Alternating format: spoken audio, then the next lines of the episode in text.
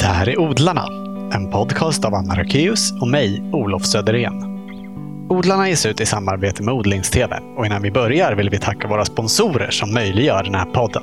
Det är Villab Garden som levererar uterum och växthus fraktfritt i hela Sverige. Och så är det Grönyte Konsult AB som saluför japanska verktyg av högsta kvalitet, till exempel silkesågar. Stort tack! De flesta av våra program har ju handlat om odling ute i det fria. Men det finns ju också en helt stor värld av växter som på nordliga breddgrader bara kan odlas inomhus. Det märks inte minst så här års när det byts sticklingar snart sagt överallt och i sociala medier där krukväxtbilderna duggar tätt.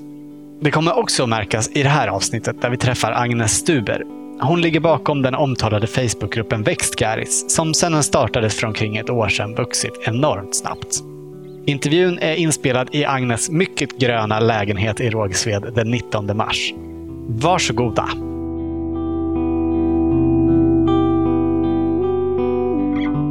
Hur påverkas du av att ha växter omkring dig? Jag påverkas väldigt positivt av det. Eh, jag tänker att så här, det gör ett rum mer levande. Det blir liksom mer, eh, mer liv i rummet. Och det känns inte lika ensamt på något sätt. Var kommer intresset ifrån?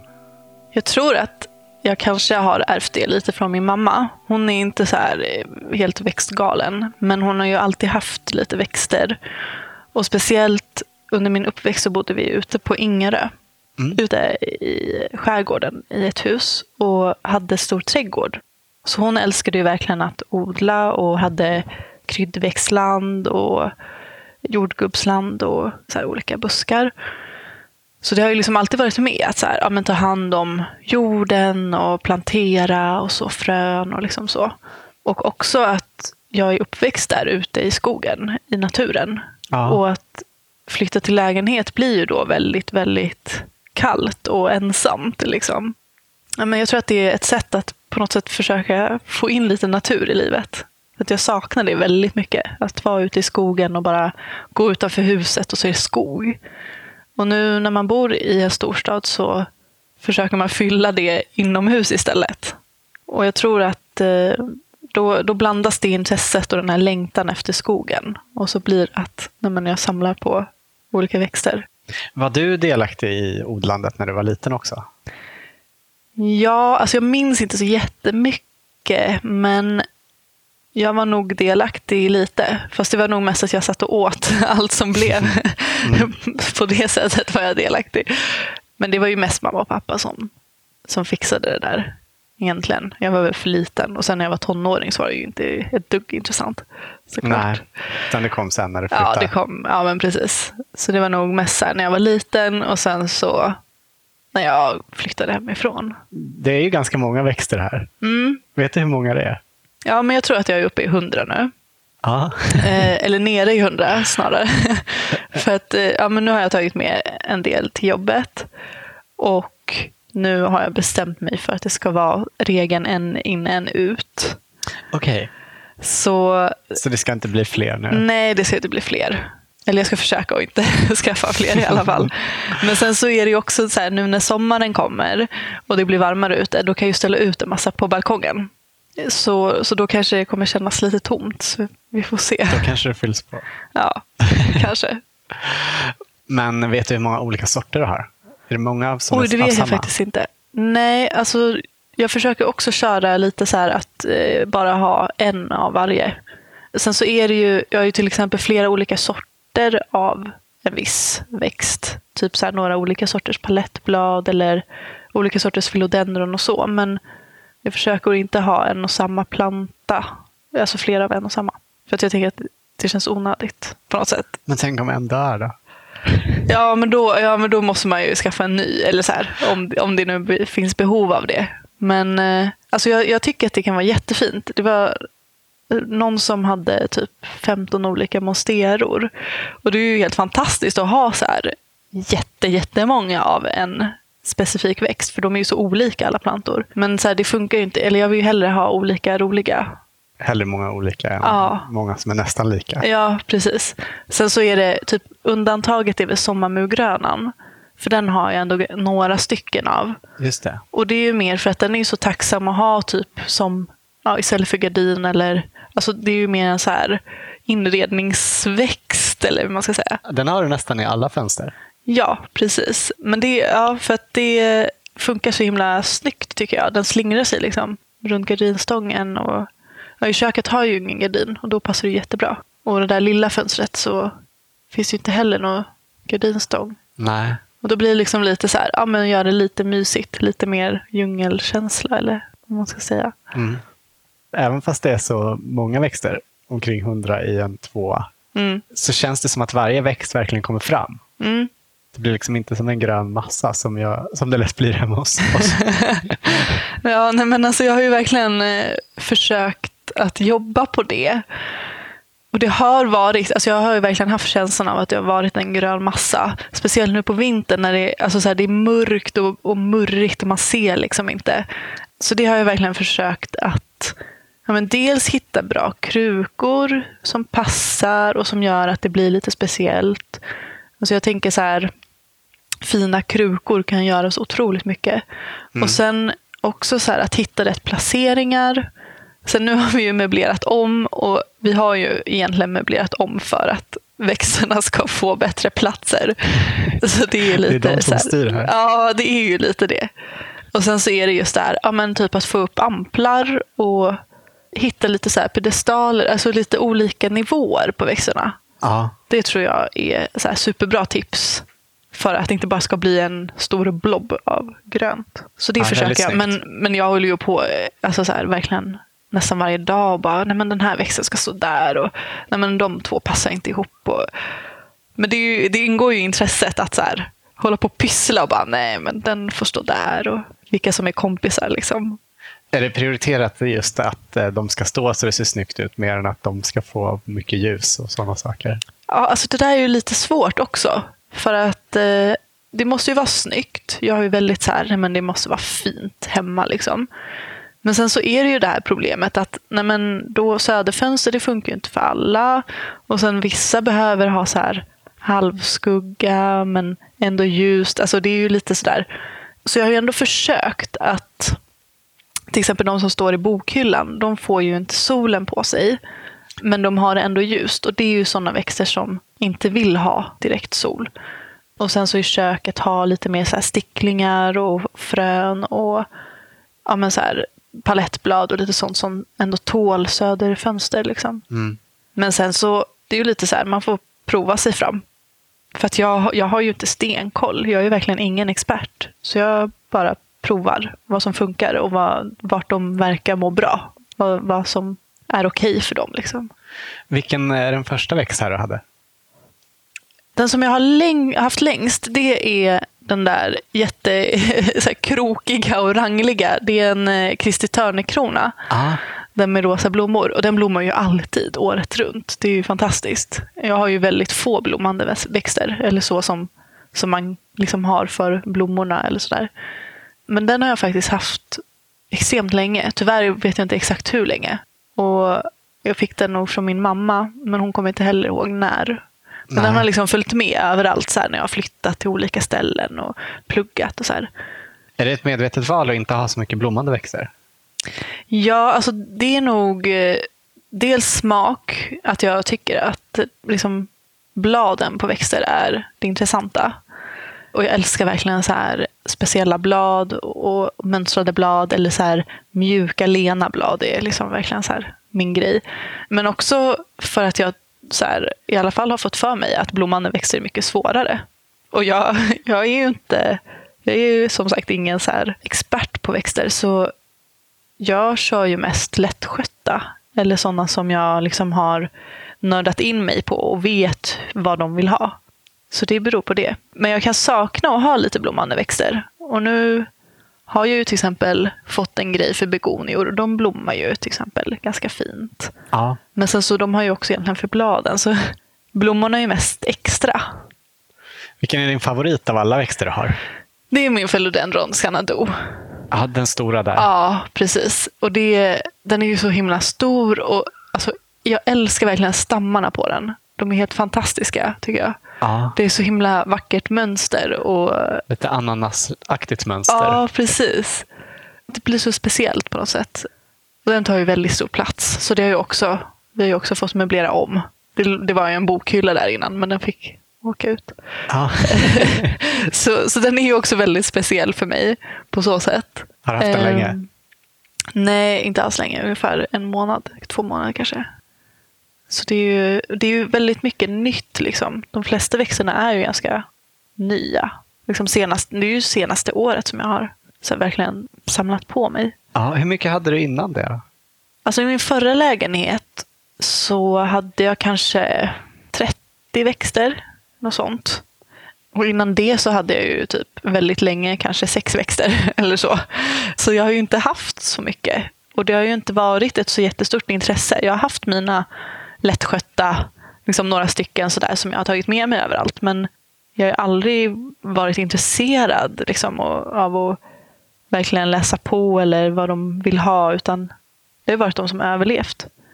Så det är ju först ja, men senaste året som, som jag verkligen har börjat intressera mig och också så här, intressera mig för skötsel. Inte bara så här, oh, men nu köper jag en växt och sen om den dör så dör den. Utan försöka ta hand om dem. Och försöka hitta så här, rätt jord och liksom rätt placering och vad de vill ha och så. Nu när du har börjat läsa om det så, då, vilken har din största aha-upplevelse varit? Alltså jag tror att det är kalla växter. Alltså att det har varit en aha-upplevelse att de finns. Lite så. Att jag inte har vetat om det här. Att jag inte har liksom förstått hur många olika fina det finns. Och jag älskar ju verkligen eh, olika kalla växter. Alltså typ som monstera och philodendron och alocasia. Och de hade här. du inget sånt innan? Nej, det hade jag faktiskt inte. Nej. Och man kan ju nörda in sig. Det är det som är så fantastiskt med växter. Att det finns så många olika liksom, växtfamiljer och man kan verkligen så här, nörda in sig och börja samla på någonting specifikt. Sen så har jag börjat samla på många olika, lite för många olika. Mm, du sa innan att du har ganska korta intervall. Ja, precis. Jag, jag blir så fascinerad av någon och så bara, ah men gud, då måste jag skaffa alla sådana. Och sen så några veckor senare så bara, "Ah, men gud den här, nu är jag mer inne på det istället. Och så, ja, jag hoppar väldigt mycket. Tror du att du kommer fortsätta så? Eller kommer du liksom landa i någon som det blir riktigt nördig på? Jag tror faktiskt inte att jag kommer nörda in mig på en, en sort sådär. Utan jag tror att jag är, är lite mer av en, en allt-i-allo. Och det känns bra. Jag har liksom landat lite i det nu. Att jag är en sån som så här, inte måste samla på en specifik. För det finns ju folk som du vet samlar på hojor till exempel och har alla sorter. Liksom. Det måste vara så fantastiskt att bara så här ha alla olika hojor och verkligen vara så nördig. Liksom. Och jag vill gärna vara en sån, men jag är inte en sån. Nej. Jag tycker om att ha, gå efter magkänsla. Lite så. Du har startat eh, Facebookgruppen Växtgaris. Ja. Berätta om den. Eh, ja, det började med att jag var med i en grupp som heter Street Garris, i deras Facebookgrupp. Och det var en del som hade startat olika intressegrupper på Facebook. Och grejen med Street Garris är ju att det är separatistiskt för kvinnor och icke-binära. Och jag tänkte, just då så hade jag ju liksom börjat intressera mig lite för växter. Det här var för ungefär exakt ett år sedan. Och jag försökte hitta lite olika växtgrupper på Facebook. Men jag tyckte att det var lite svårt att hitta och så hittade jag någon och där tyckte jag att det var lite så här om man gjorde något fel eller något som inte ja, står i boken så fick man skäll. Typ. Så jag, då, då tänkte jag så här, ja, men jag startar en egen grupp då och så kan jag fråga i Street Garris om det är folk som är intresserade av att vara med. Så det är inte bara är jag.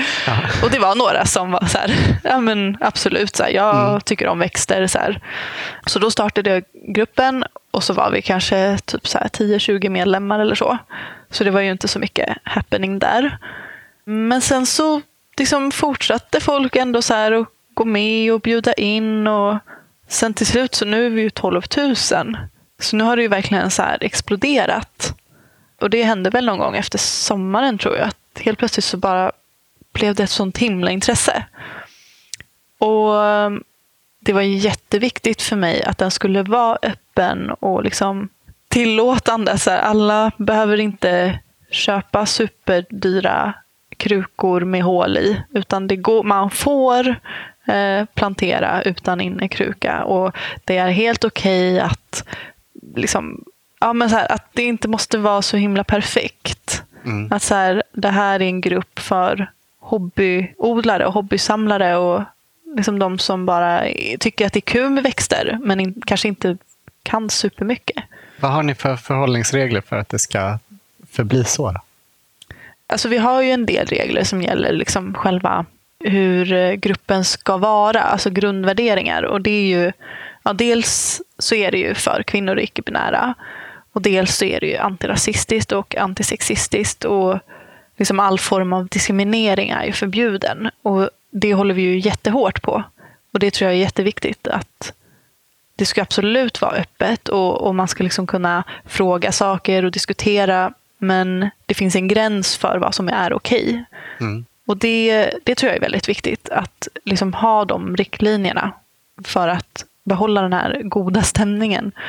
Sen så har vi också försökt redan från början att det, det ska inte vara en köp och säljgrupp. Det ska inte handla om att man har någon speciell växt och så ska man kunna sälja den jättedyrt och liksom så, utan det ska vara mer av en solidarisk grupp. Och det, det har vi försökt uppmana, liksom, att men, byt sticklingar eller skicka sticklingar till varandra eller byt växter och liksom dela, att dela med sig. Och att det är så här, om man ska sälja någonting, att man säljer det till självkostnadspris. Att det inte ska vara liksom att man går i vinst på försäljning i gruppen. Och det tror jag också, det skapar liksom en stämning att alla får vara, vara med. Man behöver inte ha jättemycket pengar, utan man kan vara supersugen på en växt och fråga i gruppen, är det någon som har en stickling? Och så kan den skicka så kanske man kan ha något att byta med, eller så har man inget att byta med. Man kanske kan bara betala frakt eller mötas upp eller så.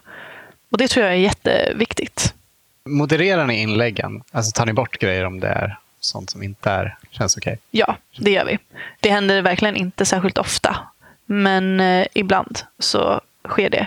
Och sen så har vi också försökt, just den här konsumtionshetsen som såklart blir för att det är en grupp om växter och specifikt, eller så här, det blir väldigt mycket om krukväxter såklart. För att det är ju många som bor i lägenhet eller så. Och då blir det väldigt lätt att man eh, hetsa, alltså inte riktigt hetsas kanske, men, men känner ändå liksom, eh, att man måste köpa och det är väldigt mycket så här fokus på att köpa nytt och så. Och det, det försöker vi också reglera genom att ja, men dels att uppmana till att byta med varandra, men dels också att vi har en, en specifik samlingstråd för konsumtion. Och då, då kan det ju vara så att vi tar bort vissa inlägg som hamnar i flödet som ska vara i en specifik samlingstråd och så. Och det finns ju anledningar till att vi har några samlingstrådar. Så det är ju för att gruppen ska funka på så bra sätt som möjligt. Så på det sättet så modererar vi en del. Liksom. Ja, just det. Du sköter inte gruppen helt själv nu? Nej, precis. Utan vi är fem admins. Varför var det viktigt för dig att det skulle vara en grupp enbart för kvinnor och icke-binära? Jag tycker att just separatism är ett av många olika tillvägagångssätt som är jätteviktiga att ha i till exempel den feministiska kampen. Och jag tror att så länge som vårt samhälle inte är helt jämställt och jämlikt så är det viktigt att den gruppen, eller de grupperna som blir förtryckta, har liksom ett rum där de kan samlas och diskutera utan att den förtryckande gruppen lägger sig i eller tycker till eller tar plats. Och just i det här sammanhanget, visst växte det liksom inte en big deal på så sätt att så här, shit, det är, män ska inte vara med. Men just i den här gruppen så funkar det superbra och det är jätteskönt att kunna ha ett separatistiskt rum även om ett sånt ämne som växter. Och att kunna ha ett rum där en kan känna att nej men, nu kommer inte de, den förtryckande gruppen hålla på att lägga sig i. Liksom. Utan det här är för oss. Och vi kan dela erfarenheter och prata fritt. Och vi får ta plats. Det här är vår plats. Alltså för att män generellt som grupp tar så mycket plats på andra ställen? Ja, precis. Och i det här sammanhanget så är det väldigt skönt att de inte får det. Och jag, jag tror att det, det behövs sådana initiativ. Inte bara givetvis, men det behövs för den gruppen som det handlar om. Det finns ju ganska många odlingsgrupper på Facebook. Jag uppfattar det också som att det kan bli en lite tråkig ton fast det egentligen handlar om något väldigt lustfyllt. Just att det blir lite mästrande och lite, ja, lite pekpinnar kanske ibland. Mm. Tycker du att ni har kommit undan det genom att inte släppa in män i den här gruppen?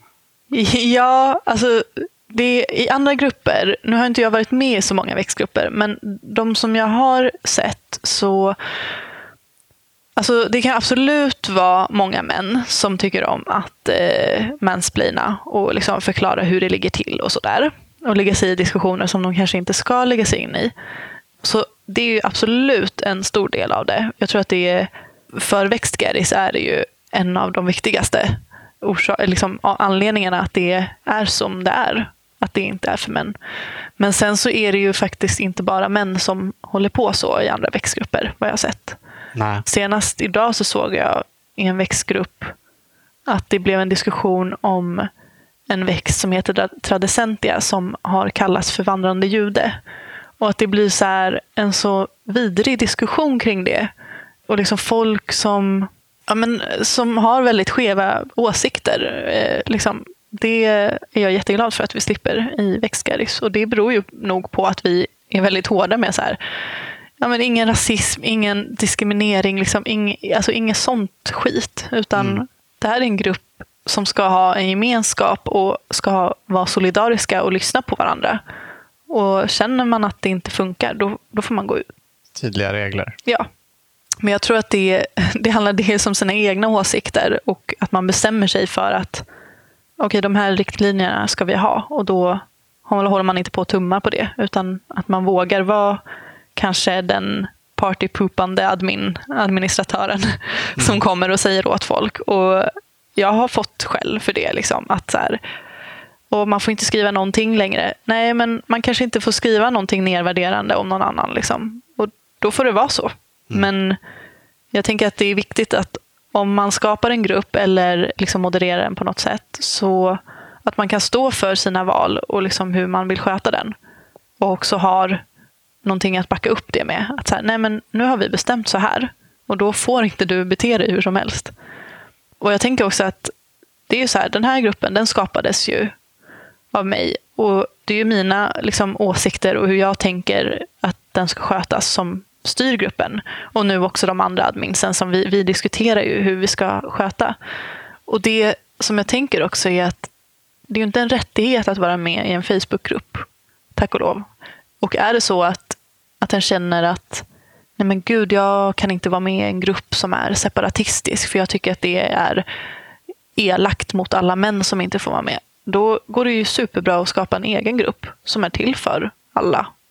Eller gå med i en valfri annan grupp som inte är separatistisk. Mm. Så på det sättet så tycker jag att det är, är väldigt skönt. Att så här, nej men alla måste ju faktiskt inte vara med. Det här måste inte vara för alla. Och allas åsikter kan inte spela roll för att vi måste bestämma oss att nej men, vi tycker att den här gruppen sköts på bästa sätt så här. Och sen så finns det ju 12 000 medlemmar som har olika tankar och idéer och så. Och vi försöker lyssna så gott vi kan men vi, det går liksom inte att tillfredsställa alla, alla mm. olika viljor. Vad har ni fått för reaktioner på initiativet? Väldigt mycket positivt. Alltså mest positivt. Och speciellt så här nu, nu när det har växt så mycket så är det ju jättemånga, alltså det är ju så himla fint som, som skriver att de är så himla tacksamma och det är så bra stämning och det är så skönt att så här, kunna hitta en grupp på Facebook där man kan liksom hänga utan att behöva oroa sig att man får skit eller någon så här osofta kommentarer eller liksom att ha en grupp där man vågar fråga och vågar prata och så.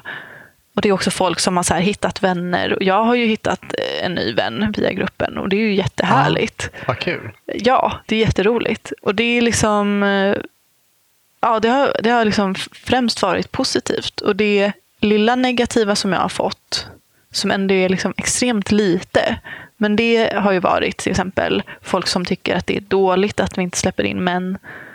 Och det, det liksom, tycker inte jag Alltså så här, det skiter jag i. Mm. Så, så det har varit jättepositivt, verkligen. De som har åsikter om att det här är en separatistisk grupp, är det män generellt som det här? Eh, det har faktiskt inte bara varit män. Det var ju en del män där i början när gruppen var helt öppen som, som ville gå med och sådär och tyckte att det var hemskt. Eh, men sen har det varit liksom några få medlemmar som har, har skrivit i gruppen eller skrivit till oss admins och, och tycker att det är dåligt och, och liksom sorgligt att man exkluderar män och liksom så.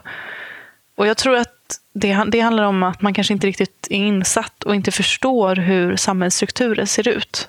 Och för att man själv kanske inte känner sig förtryckt så betyder det inte att förtrycket inte finns. Nej. Så det, det har faktiskt varit lite blandat. Men, men då är det som sagt, då förklarar jag liksom varför det är separatistiskt och varför vi tycker det. Och vi har också ett inlägg i gruppen om, om det som förklarar det. Och sen eh, så går det att hänvisa till vilken annan växtgrupp som helst. Och vi gjorde ju gruppen hemlig för att det var väldigt många män som sökte. Och också gjorde vi den hemlig för att det växer lite för snabbt och vi hann liksom inte med.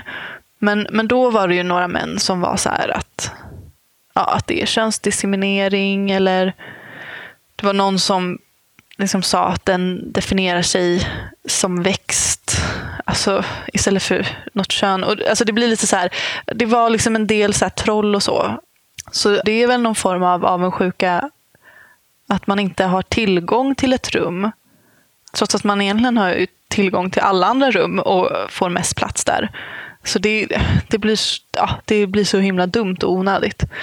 Men eh, sen så var det också ett tag så fanns det en grupp Um, eller efter, det, det, skrevs en artikel om Excaris och då hade vi precis infört ett medlemsstopp för att det blev så himla högt tryck. Och efter det så startades det en grupp för folk som inte var med i Växgaris. Mm. Så det var som en, en sorts stödgrupp kan man säga. och, och efter ett tag så fick vi öppna gruppen igen. Så nu är vi ju ändå 12 000 medlemmar. Ja. Och nu har vi också 2 000 medlemmar på kö. Eller inte medlemmar, som vill bli medlemmar. Så det, det kommer ju ta det jättelång tid. Ja, tyvärr. Ja.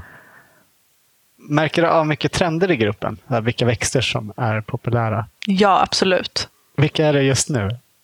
Alltså just nu så har det varit väldigt mycket Monstera variegata. Och det blev så pass mycket att vi då gjorde en samlingstråd av det.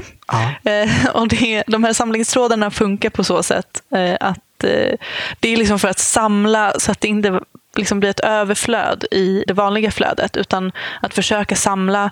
Det är ofta väldigt mycket samma frågor och folk vill veta vad man får tag på det. Och då att liksom samla ihop det blir skönare för alla. Och liksom slippa se ungefär samma bilder hela tiden. Men sen så har det också varit trendigt med Moses stentavlor.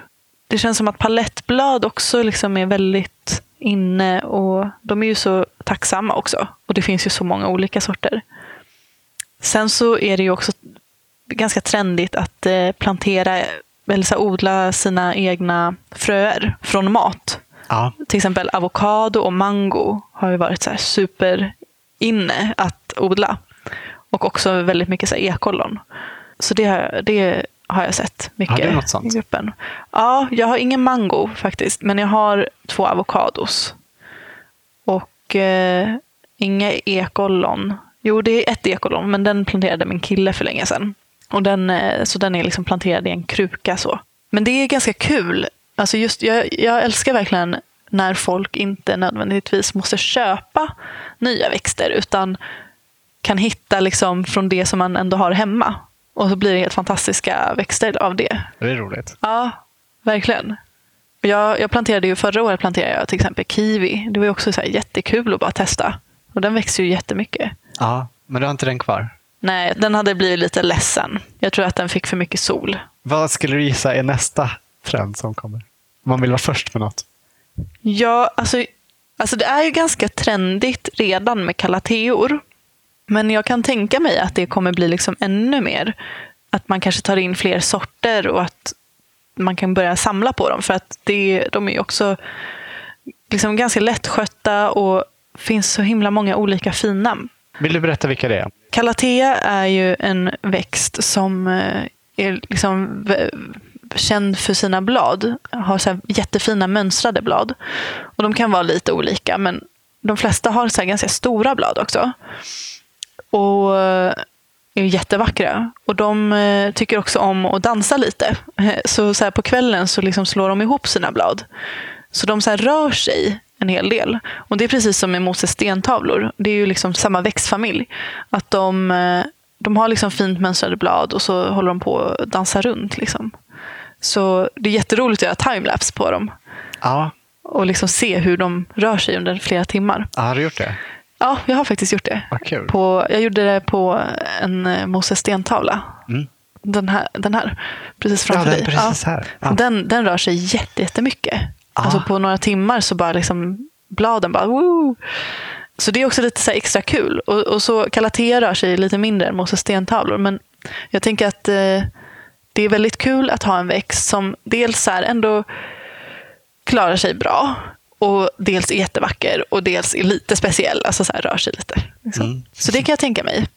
Jag tror att nu, nu under våren så kommer det säkert bli väldigt mycket palettblad. Det tror jag verkligen. Ja, Att det kommer, det kommer vara liksom massa sticklingbiten och allt möjligt. Det tror jag. de är så färgglada och fina. Ja, ja. och de är ju också så otroligt tacksamma. Så lättskötta och man kan ha dem ute på balkongen om man har balkong. De blir också så otroligt stora. Och jag tycker att det är jättekul för att man, det är så lätt att ta stickling och så kan man liksom byta. Det, jag älskar att kunna byta massa sticklingar. Har du gjort några riktigt lyckade byten i den här gruppen som du vill berätta om? Ja, alltså dels så började jag ju... Jag, jag fick ju en grej att jag skulle börja samla på bladkaktus. Nu har inte det varit så mycket så, men då till Jag exempel... ser inte någon här. Nej, där, där Ah, är där en sågblad. bakom. Ehm, och sen så har jag... Ja, i och för sig, de är där inne. I sovrummet. Men då till exempel så bytte jag till mig bladkaktus. Vilket är jättekul. Och sen så finns det så här, något som heter asblommor. Som... Jag vet inte vad de kallas annars. Men eh, det har jag också bytt till mig. Och det är en, en så här ny grej som jag vill samla på. Och det känns jättekul för att de är väldigt svåra att hitta i handeln. Så det är ju så här helt fantastiskt att kunna byta något som jag har här hemma som jag tycker är lite så här tråkigt kanske. Och så vill någon annan jättegärna ha det. Och så bara får jag så här asblommor. Så det blir jag jätteglad av. Berätta mer om asblommorna. Ja, men asblommor är, det, de ser typ ut lite så som någon kaktus. Men sen så när de blommar så får de så här jättespexiga stora blommor. Som är så här jättevackert mönstrade. Eh, dels så finns det någon som är så här typ leopardmönstrad. Och så finns det, den som är vanligast är typ så här mörkröd, mörklila och lite så här hårig. Sen så luktar blommorna as, så det är därför de Mm, kallas för asblomma. Så det är ju kanske lite så här osoft. Men ja, jag tycker att det är så himla häftigt. Så här, blå, det bara liksom kommer en blomma på den där grejen och bara luktar as. Så jag hoppas att mina blommar. För jag vill verkligen se det. Inte känna lukten, men, men se blommorna. Det är värt Ehm. lukten på blommorna. Ja, men jag tänker att det skulle vara värt det. Jag hoppas det. Sen så, sen så bytte jag ju en, eh, en paraplyaralia mot, eh, mot den här jättefina Alocasia zebrinan. Och Den här med vit, Ja. vita stjälkar. Ja, men de, den är ju De helt fantastisk. Ja, jag älskar den verkligen. Så det bytet är jag superglad över. Ja. Verkligen. Jag vet inte hur man ska beskriva dem. Nej, alltså De- det är som att de har ju så långa skälkar som står rakt upp och, och som är så här lite så här zebramönstrade kan man nästan säga. Mm. Liksom lite så här, jag tänker typ på stracciatella när jag ser dem. Mm. Och sen så har de ju så ganska fina blad också så här på Mm, toppen. Spetsiga hjärtformade Ja. blad. Precis. Ja, jättefin. Särskilt den här med vita stjälkar. Alltså. Ja. Det känns väldigt speciell. Och den andra här bredvid, den har mörkare stjälkar men den har Ja, ju precis. de här vita bladnerverna som är väldigt Ja. snygga också. Och den, den har ju just så här, bladen är ju så himla häftiga. De, det ser ju nästan ritat ut på något sätt, de här vita ådrorna. när man ska, Grafiska ja, mönster. precis. Så den, eh, ja, och den är ju mycket större också. Och de här kan ju växa sig så otroligt stora. Bladen kan ju bli liksom så här 50 centimeter. Så ja, jag hoppas att de växer mycket. Ja, häftiga. Du nämnde att din sambo hade planterat en ek. Mm. Är det andra växterna här som är hans? Eller är alltihop ditt? Han har, alltså vi räknade ju på det där och jag tror att han har sju växter och resten är mina. Men sen så är det också han som har den finaste monsteran och den är ju verkligen ett riktigt praktexemplar. Ja, den är stor Mm, och fin. verkligen. Och den vill ju jag jättegärna ha. Och nu är den ju vår i och för sig, men, men det är ändå hans. Ja. Så. De bladen som är längst ner är alldeles fransiga i kanten. Är det katten som är Ja, skurken? det är, det är min katt som tycker om att slå på växter. Jag hade ju också, jag hade faktiskt en stor monstera. Men den, den tyckte min katt om att, att klänga på. Så den bröts av. Så nu, Nej. nu har jag halva kvar som, som jag försöker få växa. Mm. Den står ute i köket. Men ja, hon, hon gillar verkligen att eh, hoppa upp och, och riva på, på vissa blad. Ja. Hon, alltså så här, speciellt de här stora bladen på monsteran är liksom jätteroliga tycker hon. Finns det växter som eh, man ska undvika man har husdjur för att de är farliga? Ja, det finns ju en hel del. Jag har inte så här superstenhård koll på det. Utan jag brukar liksom kolla när det är en växt som jag har köpt. Så kollar jag så här, okej men hur, liksom är den jättegiftig? Jag har, jag har nog faktiskt inte någon som är jättegiftig sådär. Liksom att den, är, den får, får man inte ha tillsammans med katt. Men vissa växter som jag har har ju eh, att växtsaften kan vara irriterande för katter och barn. Så då, de försöker jag ju ha på sådana ställen där hon inte kommer åt.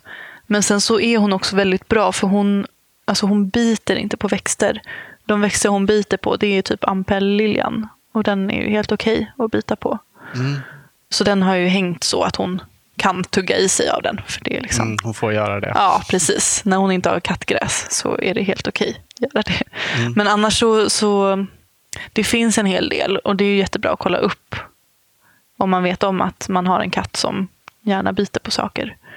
En del är ju liksom inte farliga men de kan vara irriterande. Och sen så till exempel så det kan vara väldigt många julväxter som är farliga och så. Typ hyacint. Och då, när jag, jag köpte en hyacint i julas, men då, liksom, då ställer jag den så att hon inte kommer åt. Men det är väldigt kul att, att slå på växter tycker hon. Mm. Så det märks på många blad. Ja. Nu har jag tur som bor i en lägenhet där hon kan ha ett eget litet fönster.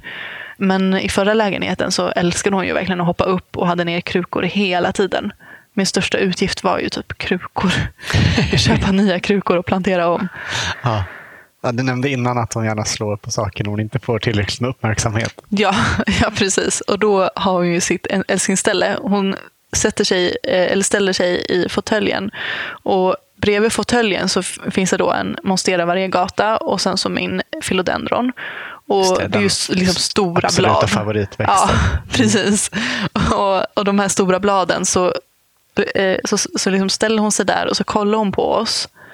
Liksom kollar verkligen rakt in i ögonen och bara slår så här med tassen på bladen. Då vet man att hon vill ha uppmärksamhet. Mm. Väl uttänkt. Ja, verkligen. För hon vet så här att, att växterna är viktiga. Det är liksom, man får inte hålla på och förstöra dem. Eh, odlar du några ätbara saker?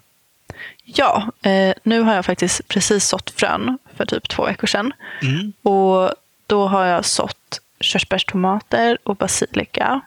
Och sen ska jag så slingerkrasse också. Det hoppas jag ska vara lätt. för jag köpte någon sån här juniorpaket för barn. Men det är typ det egentligen. Ska de bo på balkongen? Ja, det är tänkt. Och sen så skulle jag vilja så fler ätbara växter. För jag tycker att det är jättekul att så, här, så någonting som man kan äta. Det är ju fantastiskt. Ja. Men, eh, men jag har liksom inte kommit igång med det så mycket. Nej.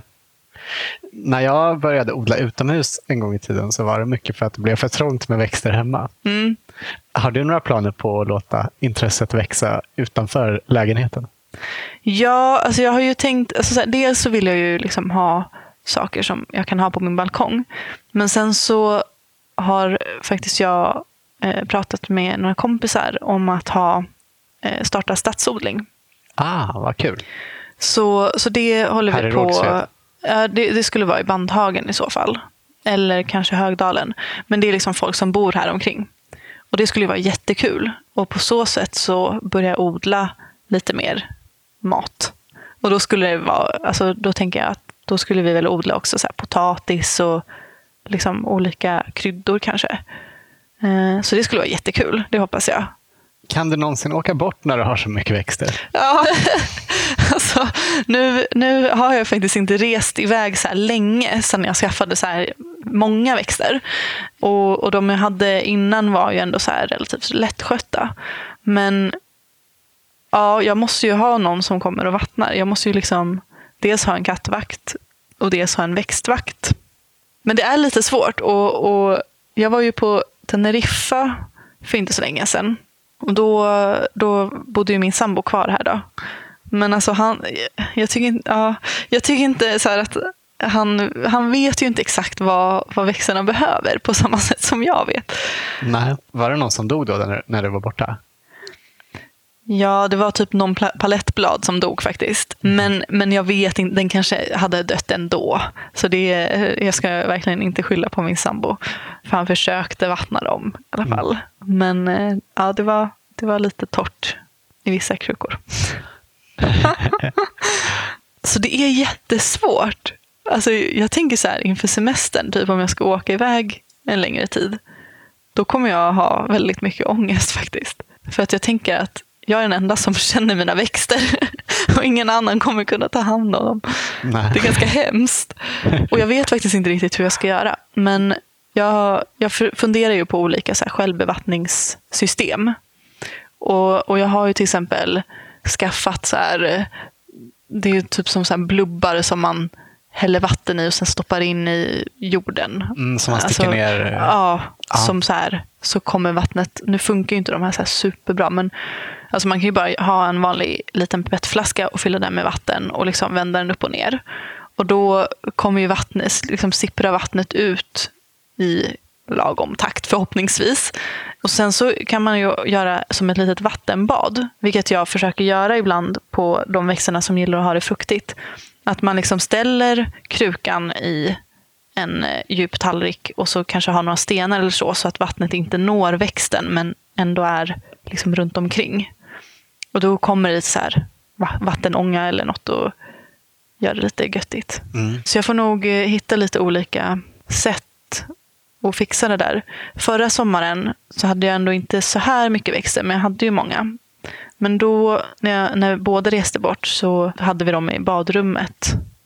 De som var nära fönstret. Och de klarade sig ändå väldigt bra. Men mm. ja, jag är lite orolig. Mm. Jag kan tycka det är lite fint det här bandet som man kan känna just att man känner att man är den enda som kan. Som ja. verkligen känner den här växten. ja, och det blir ju så. Liksom. Det, det är typ som med husdjur. att så här, nej men jag vet bäst. Eller som med barn. Så här, nej men jag vet hur man uppfostrar det här barnet. Så andra ska inte lägga sig i. Och det, alltså, det, nu är det inte så, för att jag behöver ju ofta hjälp. Och det är ju alltså, tack och lov att växtgaris finns, för då kan man fråga så här, men vad vill den här ha för skötsel och så. Men sen just att lämna över det på någon annan, det är ju jättesvårt. För jag tänker så här, nej men andra vet ju inte hur den här jorden funkar, för att jag kanske har en speciell jordblandning till just den här växten och lite så. Mm. Om man vill kunna åka bort eller bara är lite glömsk med vattning, har du några säkra kort man ska satsa på då? Mm. Just så här, gröna växter är ju oftast lättare än blommande.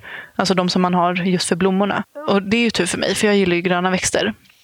Men det, det finns ju några som verkligen är så här lättskötta. Och det är till exempel som jag har, eh, Monstera är liksom väldigt tacksam.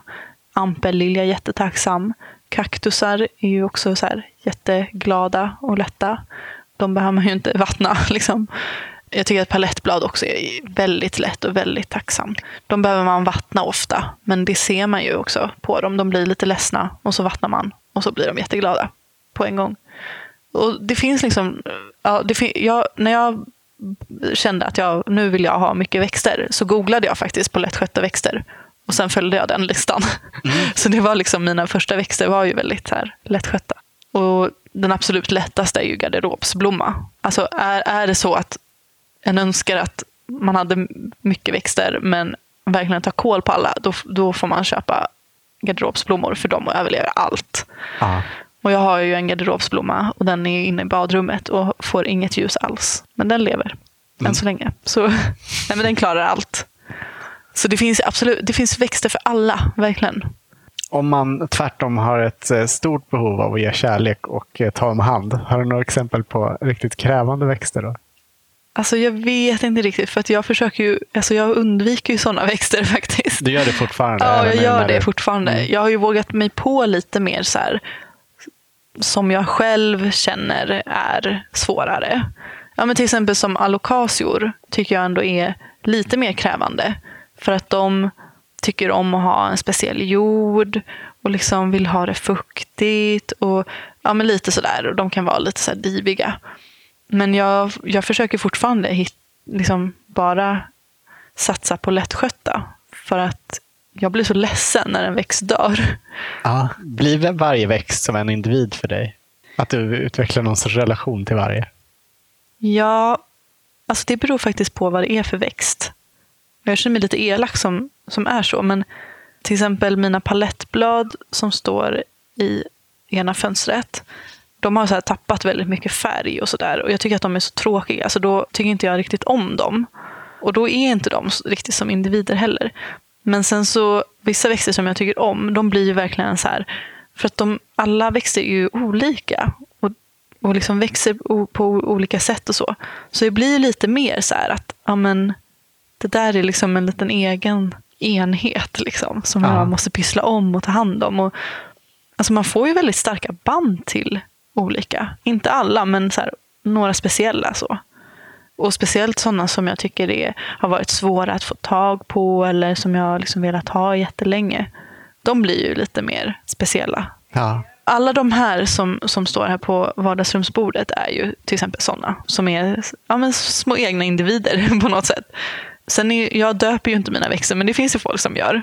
Och det är ja. ju jättekul. Alltså, eh, jag, jag, skulle bara, problemet är att jag, jag skulle aldrig komma ihåg namnen. Nej. Jag började faktiskt döpa för länge sedan så hade jag murgrönor. Jag och murgrönor har aldrig funkat ihop.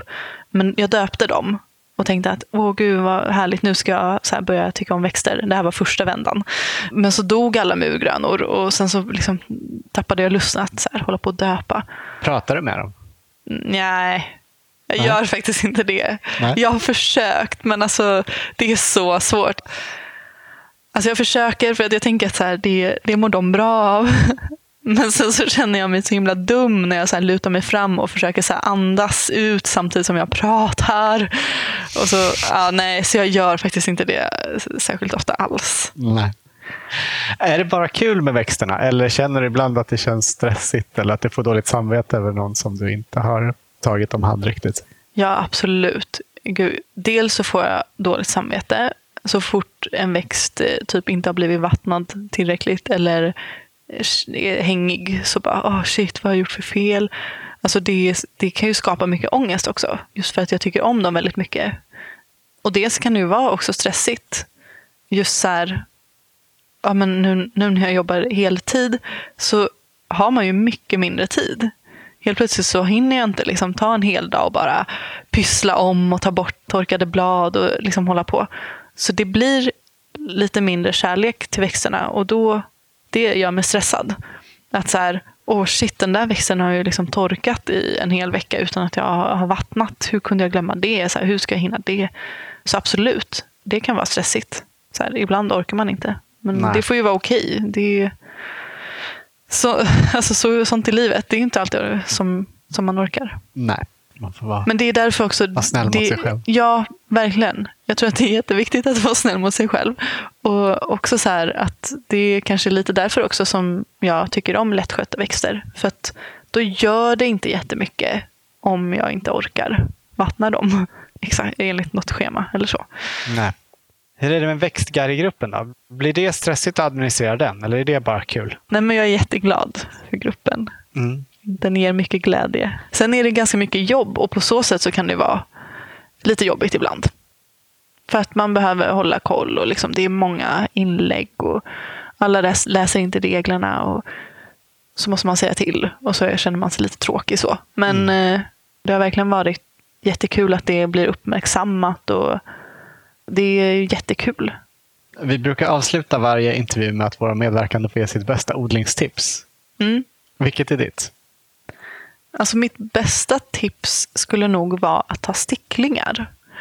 Det är kanske inte så här, eh, liksom värsta odlingstipset, men jag tycker att det är väldigt givande. Ja, Eh, det är väl ett jättebra tips. Ja, men så här, dels om man, om man då köper en redan färdig växt så tycker jag att det kan vara jättekul att liksom föröka den. Och dels också att ha något att byta med, byta till sig sticklingar. Alltså hela, ja, men hela den här grejen med sticklingar tycker jag är fantastisk. Och att göra det. Och oftast så är det ändå ganska lätt att ta.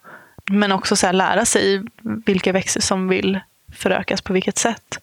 Jag tycker det är jätteintressant. Och just att det finns olika sätt att, att liksom föröka växter på.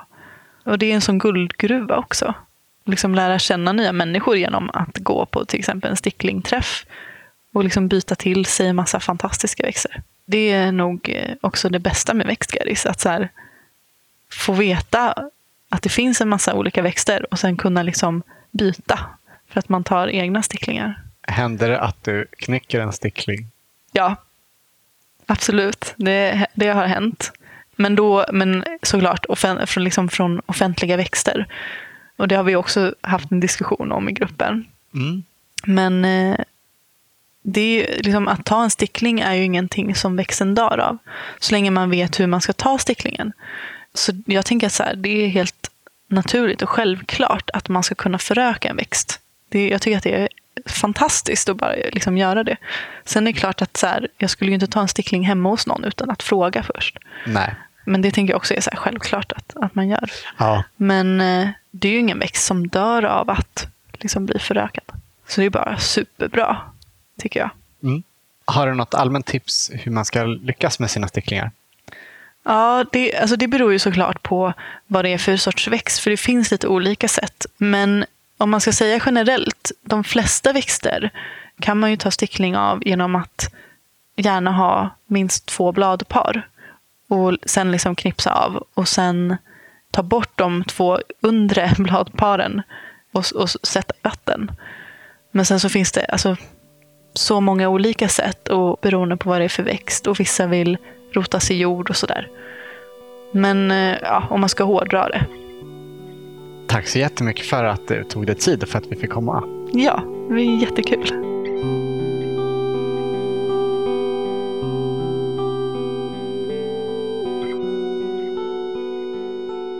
Du har hört Agnes Stuber i Odlarna. Om du är intresserad av att gå med i Växtguidegruppen så måste du bli tillagd av någon som redan är med där. Så hör med dina vänner. Vill du se Agnes växter så kan du göra det på hennes Instagramkonto, Lilla Djungeln. Och Växtgaris har också ett Instagramkonto med reposts av följares bilder och gästpostare. Kontot heter Vaxtgaris. Stort tack för att du lyssnat och tack än en gång till våra sponsorer Grönytekonsult och Villab Garden som möjliggör den här podden.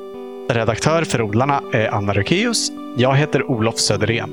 Vill du följa oss och vårt odlande så kan du göra det på thewaveswemake.se slash spenat i stan. Ha det bra! Hej då!